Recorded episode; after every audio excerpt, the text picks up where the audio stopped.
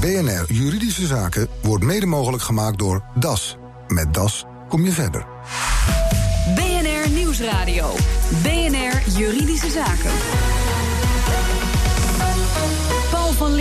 Goedemiddag. Vandaag bloedfanatieke voetbalouders en de gevolgen van hun geschreeuw voor hun talentvolle kind. Aanleiding is het wegsturen van de zevenjarige Jaden, omdat zijn ouders lukten het niet zich te gedragen langs de lijn. Hier naast mij ons PNR juridisch geweten Nelke van der Heijden. Nelke, wat gebeurde hier precies? Het gaat inderdaad om Jade. Het was een talentvol, of is een talentvol voetballertje. En hij was gescout door RBC Roosendaal. Die hebben regionale jeugdopleiding. Dat was natuurlijk duidelijk de eerste stap naar een profcarrière. Maar hij was wel talentvol, maar ook een beetje onfortuinlijk gevallen in de winter. En daardoor was hij niet topfit en werd er afgesproken dat hij maar twee keer tien minuten zou spelen. Nou, tot zover niet zoveel aan de hand zou je zeggen. Maar die ouders hadden zich herhaaldelijk misdragen langs de lijn naar vrijwilligers. En uiteindelijk voelde RBC zich al gedwongen om met die ouders af te spreken dat oké, jullie mogen Jade brengen en halen, maar jullie komen de club verder niet meer, uh, niet meer op. Ja, dat bleek dan toch nog lastig dus voor die ouders. Ja, de moeder maakte zich toch een beetje zorgen ook over haar zoontje vanwege die hoofdblessure die hij bij de val in de winter had opgelopen. Dus ze moest en zou er toch bij zijn. Nou ja, in één keer knapte ze ook omdat hij 17 minuten had gespeeld in plaats van de afgesproken 20 minuten. Zo. En uiteindelijk was de druppel voor RBC waarschijnlijk dat ze toch mee was gekomen naar een training. Terwijl ze dus helemaal de club niet uh, meer op zou komen. En RBC voelde zich genoodzaakt om uh, toch tot die drastische beslissing te komen van hij mag niet meer, uh, hij is niet meer welkom bij ons. Nou, de ouders gaven in eerste instantie aan uh, van nou, dat gaan we aanvechten, we zoeken een advocaat. Maar later zagen ze er toch van af. En ik vraag me af of dat verstandig is. Want um, ja, het klinkt toch een beetje vreemd dat hij moet opdraaien voor zijn ouders. Dus ik ben benieuwd hoe dat juridisch zit. Ik ook, dankjewel Nelleke. En hoe dat precies zit, leg ik voor in een panel vandaag bestaande uit Zabi Etema. Die hij is sportrechtadvocaat met zijn eigen kantoor LOYR. Hij is oud profvoetballer, hij is voetbalmakelaar. Ruben Moche is sportpsycholoog, trainer bij eh, bureau Aldoende. En uh, Sjors Brouwer is programmamanager amateurvoetbal bij de KNVB. Heren, welkom. Uh, ik begin bij uh, Sabi Etemadi. Allereerst is de juridische vraag van Delke zojuist. Uh, mag je een kind wegsturen omdat zijn ouders zich langs de lijn misdragen? Nou, juridisch gezien is het besluit van de RBC, van RBC natuurlijk erg bedenkelijk. ten meer ook omdat de wetgeving bepaalt dat lidmaatschap van een vereniging persoonlijk is. Uh, tenzij de statuten anders bepalen. En dan moet er wel in de statuten bepaald zijn dat een kind uh, het gedrag van de ouders het kind kan worden toegerekend. En ik vraag me af of dit in de statuten van RBC Roosendaal is bepaald. Ja, dit is maar een kwestietje. En dan wil je ook kijken hoe dat in het verleden gegaan is. Zijn er in de sportwereld vergelijkbare zaken? Eén uh, vergelijkbare zaak uit 2011. Uh, de waterkip Barneveld tegen eigen jeugdlid.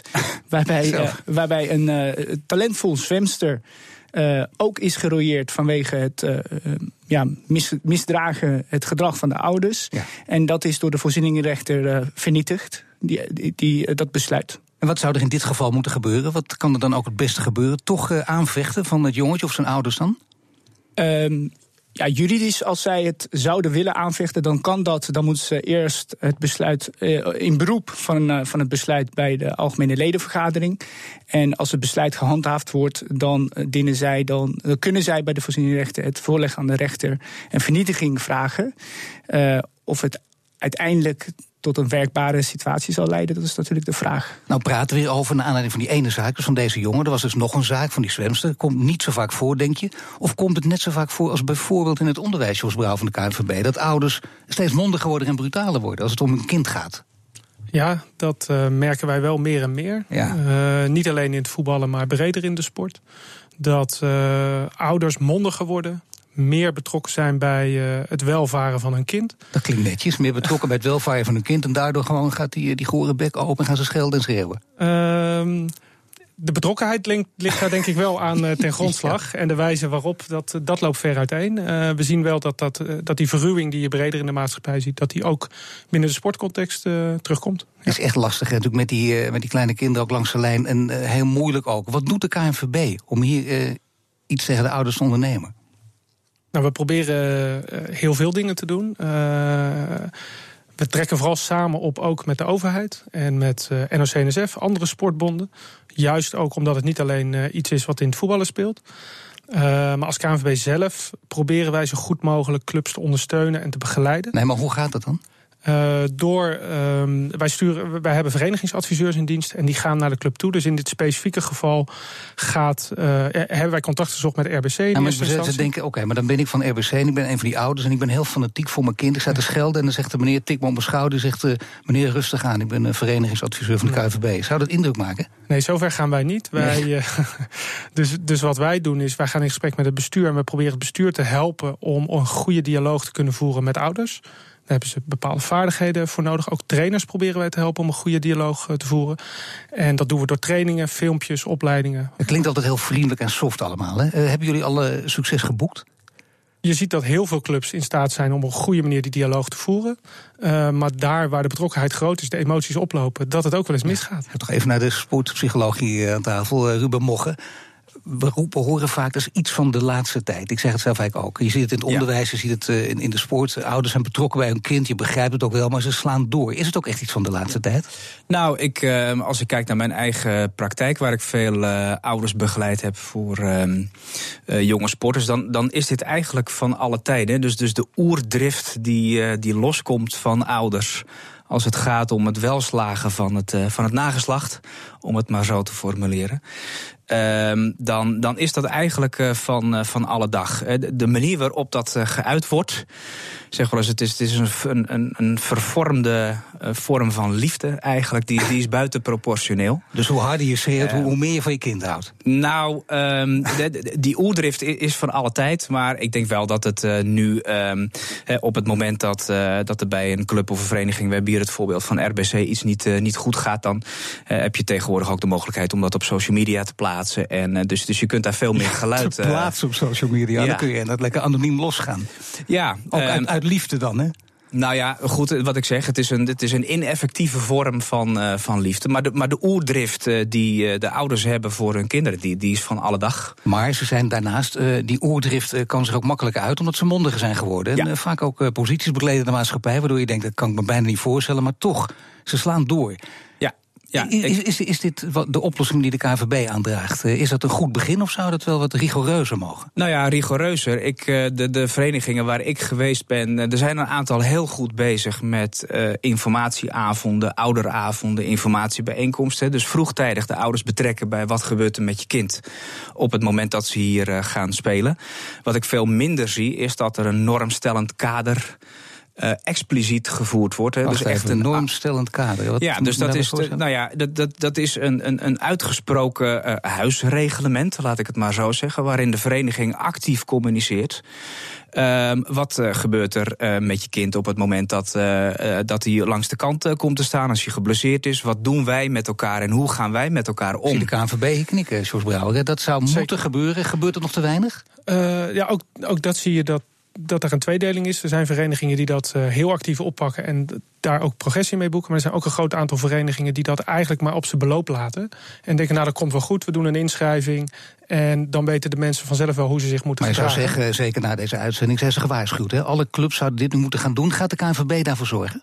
Nou, de KNVB kan daar niet alleen voor zorgen. Wat wij doen is iedere club die ondersteuning wil bij het opstellen van regels, bij het, het, het, het tot stand komen van uh, gedragsnormen die kunnen wij helpen om dat op een goede manier te doen. Want een A4'tje ophangen in de kantine is natuurlijk niet de oplossing.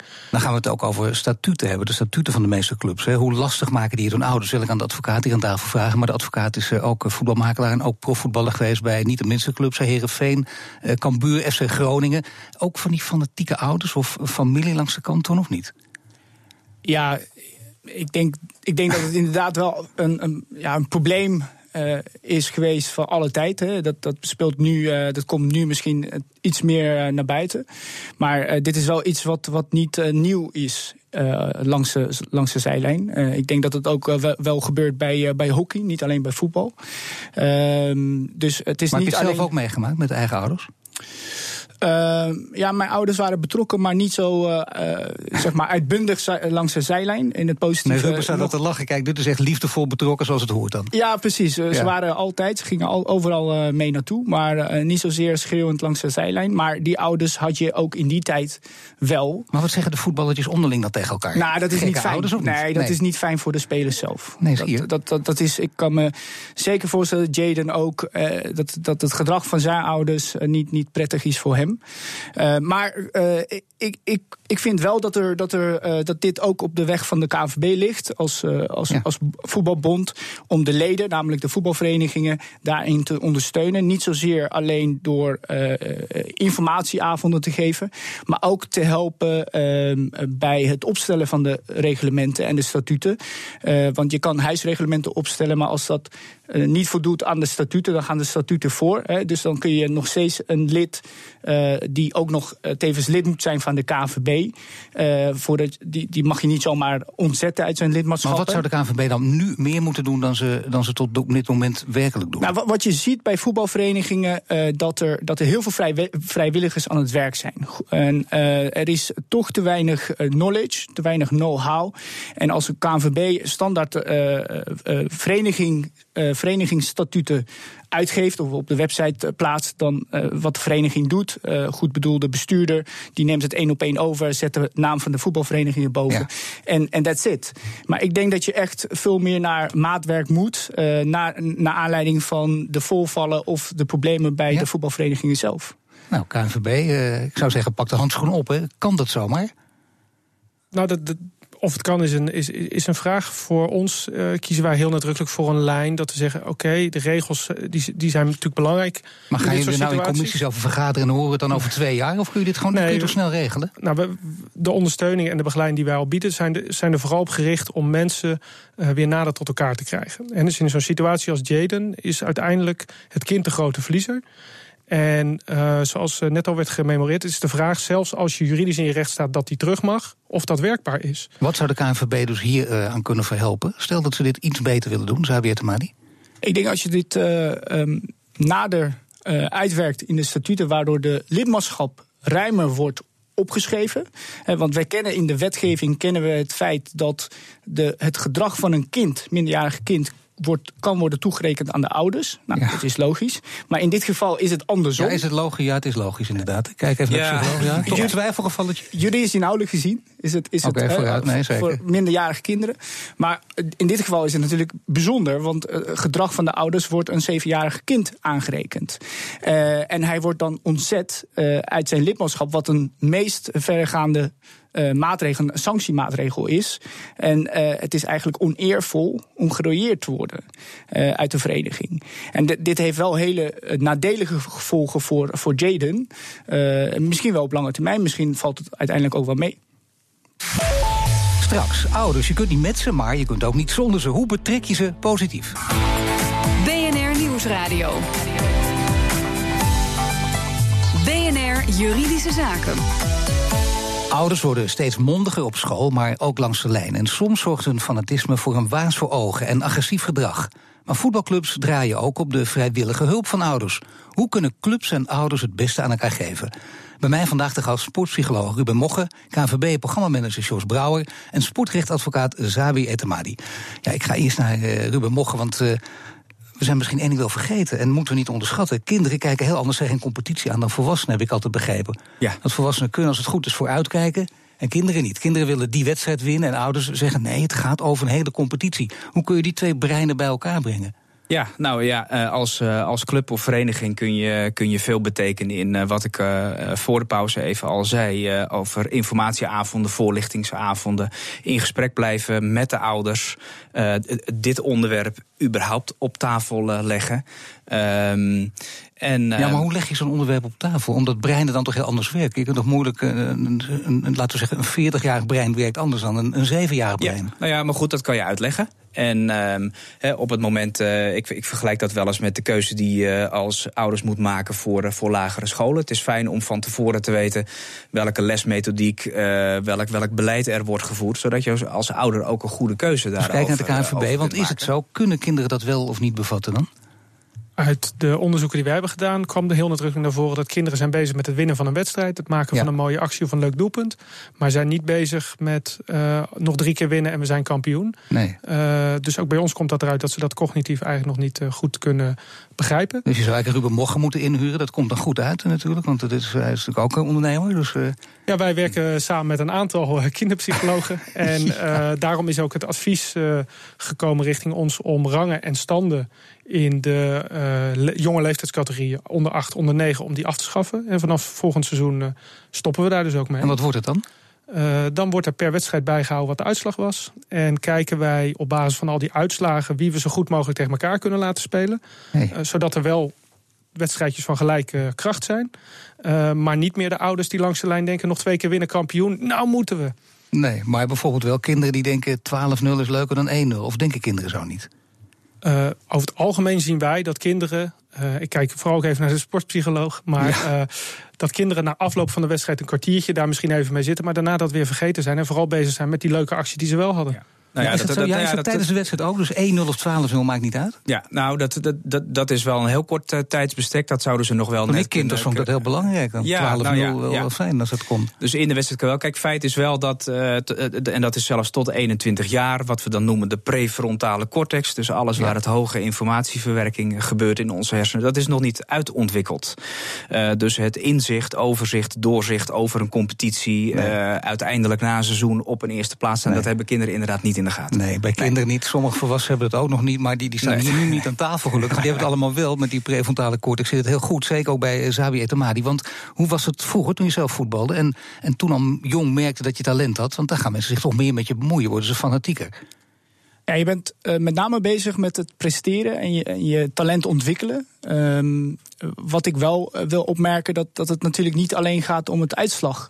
De ouders zijn ook betrokken eh, bij het feit hoeveel minuten eh, hun kinderen speel, eh, mag spelen. Maar ook eh, zelfs op welke positie. Zij vinden dat, dat, een kind, dat hun kind in de spits hoort te spelen, terwijl die rechtsback staat, opgesteld door de trainer. Zou je dat juridisch kunnen regelen of niet? Als je zegt ik ben ouder, ik stop geld in die club. En ik stop ook nog mijn vrije tijd erin. Ik wil het juridisch geregeld zien. Nou ja, goed, ik, ik, ken, ik ken verhalen dat de ouders die standpunten innemen. Maar nee, nee, maar dat kan niet, hè? Nee, Even dat kan natuurlijk alle- niet. Nee, nee, dat kan niet. Want de, de trainers en, en de club moet een bepaalde beleidsvrijheid hebben bij, eh, bij het doen ontwikkelen van, van jeugdig Wordt de druk wordt toch wel groter, lijkt me, als je al jong talent. Bij jou je talent al heel jong erkent, want dat maakt ook wat uit natuurlijk. Ja, ik was, ik was 15 toen ik gescout werd. Eh, mijn, mijn broertje was, eh, was 9. Ehm, ja, eh, ik denk het niet. Ik denk niet dat de druk op kinderen eh, groter wordt. Ik denk dat in de, in de jeugdfase, eh, leeftijd tussen eh, 7 tot en met eh, 16, 17 jaar, dat dat voornamelijk de, de druk op de ouders groter wordt. Want in, in het begeleiden van jeugd, jeugdige talenten zijn wij, ik denk, eh 65% bezig met het begeleiden van de ouders. Ja, kijk eens even, 65% bege- met eh, de ouders begeleiden bezig. Maar als je dan spo- sportpsycholoog bent en je hoort dit verhaal... dan zou je ook kunnen denken, nou, wacht eventjes... eh, je zou toch wel iets meer kunnen verwachten eigenlijk... met name van eh, die kinderen zelf. Want ja, als je tien bent en je hoort van iedereen om je heen... dat jij een hele grote kan worden... dan ligt er toch ook als, als tienjarige enorme druk op je. Ja, ja, ja. Nou ja dat, dat, dat, klopt. En, en we moeten niet vergeten, er is een groot verschil eh, in zeg maar, de topsport en de breedte sport. De onderscheid wat we als sportpsychologen maken. En dus welke functie heeft de sport en een club of een vereniging waar een kind bij zit? En in negen van de tien gevallen eh, gaat dat zeg maar eh, eh, tot topsport. Hè? Dus alles wat daaronder zit. En dan gaat het erover dat een kind een succeservaring heeft, zelfvertrouwen, een goed zelfbeeld eh, krijgt. En daar kan de sport heel erg aan bijdragen. Dus we hebben het eigenlijk maar over een klein stukje. Als het echt het voorbeeld wat je noemt, hè, op het moment dat je in beeld bent, gescout wordt. Maar daar hebben we het nu inderdaad ook over, ja. Omdat het dan vaak juist ook misgaat. En wat moet je dan doen? Eh, je weet als kind ook, voel je aan ook, of niet, dat je veel beter bent dan anderen.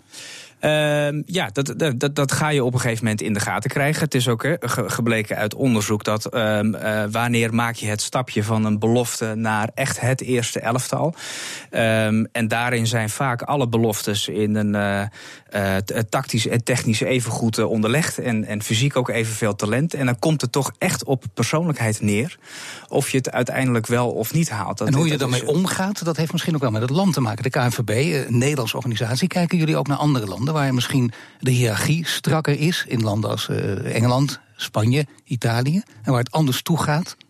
Ja, Nederlandse cultuur is wezenlijk anders dan Engeland, maar ook Duitsland, waar uh, verantwoordelijkheidsfiguren nog meer aanzien genieten. Dus wij zijn een, hele, een heel plat land in dat, uh, in dat opzicht. En dat maakt ook dat die mondigheid meer aanwezig is. Uh, wij proberen wel te leren van andere landen. Wat betekent dat? Dat je dus hiërarchischer moet worden in Nederland? Uh, nee, ik denk niet dat, uh, dat. Ik denk dat dat averechts effect heeft. Ik denk dat we wel duidelijke regels moeten stellen, duidelijke kaders. Uh, maar daar op een Hollandse manier mee om moeten gaan. En dat betekent toch het gesprek. Ja, kijk even toch naar Sabi Etema die een beetje moet lachen. Ik begin ook nu, eh, ik weet niet ja. waarom, of hem dezelfde reden lachen, maar toch, zeg het maar. Ja, nee, ik, ik ben Persisch van afkomst, geboren in Iran. Als je ja. het over hiërarchie hebt, dan, uh, dan is dat heel, heel ja, groot. Maar ik, is dat toch ik geloof wel in hiërarchie hoor, ja zeker. Ook in topsport is die hiërarchie erg belangrijk. Uh, om over te dragen aan, aan jongere talenten, hetgeen wat, wat ouderen allemaal aan ervaring hebben. Het begint toch met hiërarchie, want dan is ook de uh, absor absorptievermogen ook wat groter. Je neemt veel meer op, omdat je ook da je daarvoor openstelt. En als je kijkt naar Portugal, uh, de, de, ouders mogen uh, op geen enkele momenten langs de zijlijn of tijdens de wedstrijden iets roepen of zeggen tegen de trainers. En dat hoef je niet juridisch af te dwingen, dat, dat gaat vanzelf niet. niet. Dat, dat, daar, daar zit het in de voetbalcultuur. In Engeland kun je niet zomaar bij de trainingen gaan kijken of bij jeugdwedstrijden gaan kijken. Dan moet je uh, eerst uh, langs, langs beveiliging en vervolgens legitimeren. Ja, ehm, ja dat, zo, zijn we, zo zit Nederland, het Nederlands systeem niet in elkaar. Maar iets hiërarchischer mag, mag wat mij betreft wel. Ja, iets hiërarchischer, maar dat ook, dan ook met regels echt dus juridisch vast proberen te leggen? Of kan dat echt ja, Ik denk nooit? dat, dat, dat het voetbalcultuur wat, wat hiërarchischer mag.